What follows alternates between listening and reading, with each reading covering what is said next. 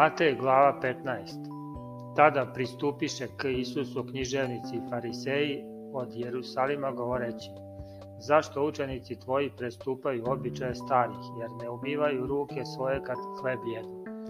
A on odgovarajući reče im, zašto i vi prestupate zapovest Božiju za običaje svoje?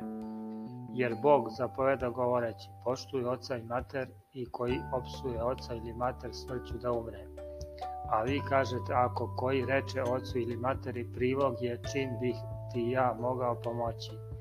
Može i da ne poštuje oca svog ili matere i ukidoste zapovest Božiju za običaje svoje.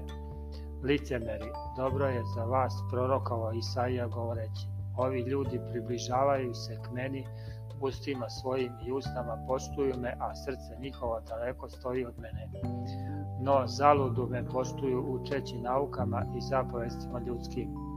I dozvavši ljude reče im, slušajte i razumite, ne pogani čoveka šta ulazi u usta, nego šta izlazi iz usta, ono pogani čoveka. Tada pristupiše učenici njegovi, i rekoše mu, znaš li da fariseji čuvši tu reč sablazniše se? A on odgovarajući reče, svako drvo koje nije je usadio otac moj nebeski iskorenit će se Ostavite ih, oni su slepe vođe slepcima, a slepac slepca ako vodi, obać je u jamu pasti. A Petar odgovarajući reče mu, kaži nam priču ovu. A Isus reče, edali ste i vi još nerazumni. Zar još ne znate da sve što ulazi u usta u trbuh ide i izbacuje se napolje? A šta izlazi iz usta i srca izlazi i ono pogani čoveka jer od srca izlaze zle misli, ubistva, preljube, kurvarstva, krađe, lažna svjedočanstva, hule na Boga.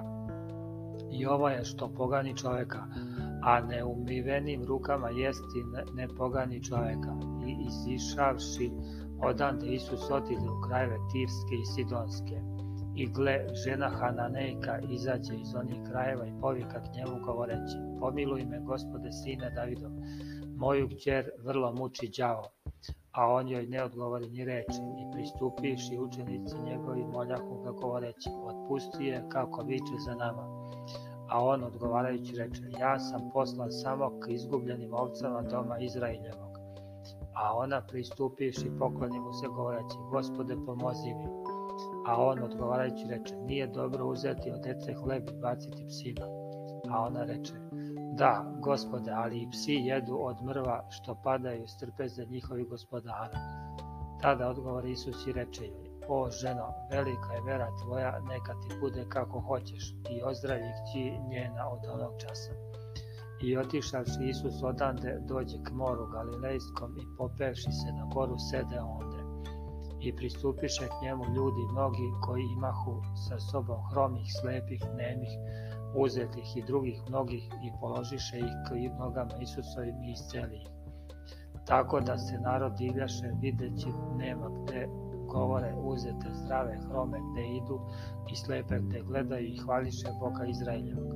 A Isus dozvavši učenike svoje reče, žao mi je ovog naroda, jer već tri dana stoje kod mene i nemaju šta jesti, a nisam ih radan pustiti gladne da ne oslabe na putu I rekoše mučenici njegovi, otkuda nam u pustinji toliki hleb da se nasiti toliki narod? I reče im Isus, koliko hleba imate? A oni rekoše, sedam i malo ribice. I zapovedi narodu da posedaju po zemlji. I uzevši onih sedam hleba i ribe i davši hvalu, prelomi i dade učenicima svojim, a učenici narodu I jedoše svi i nasitiše se i nakupiše komada što preteče sedam kotarica punih. A onih što su jeli beše četiri hiljade ljudi osim žena i dece. I otpustivši narod uđe u lađu i dođe u okolini Magdalske.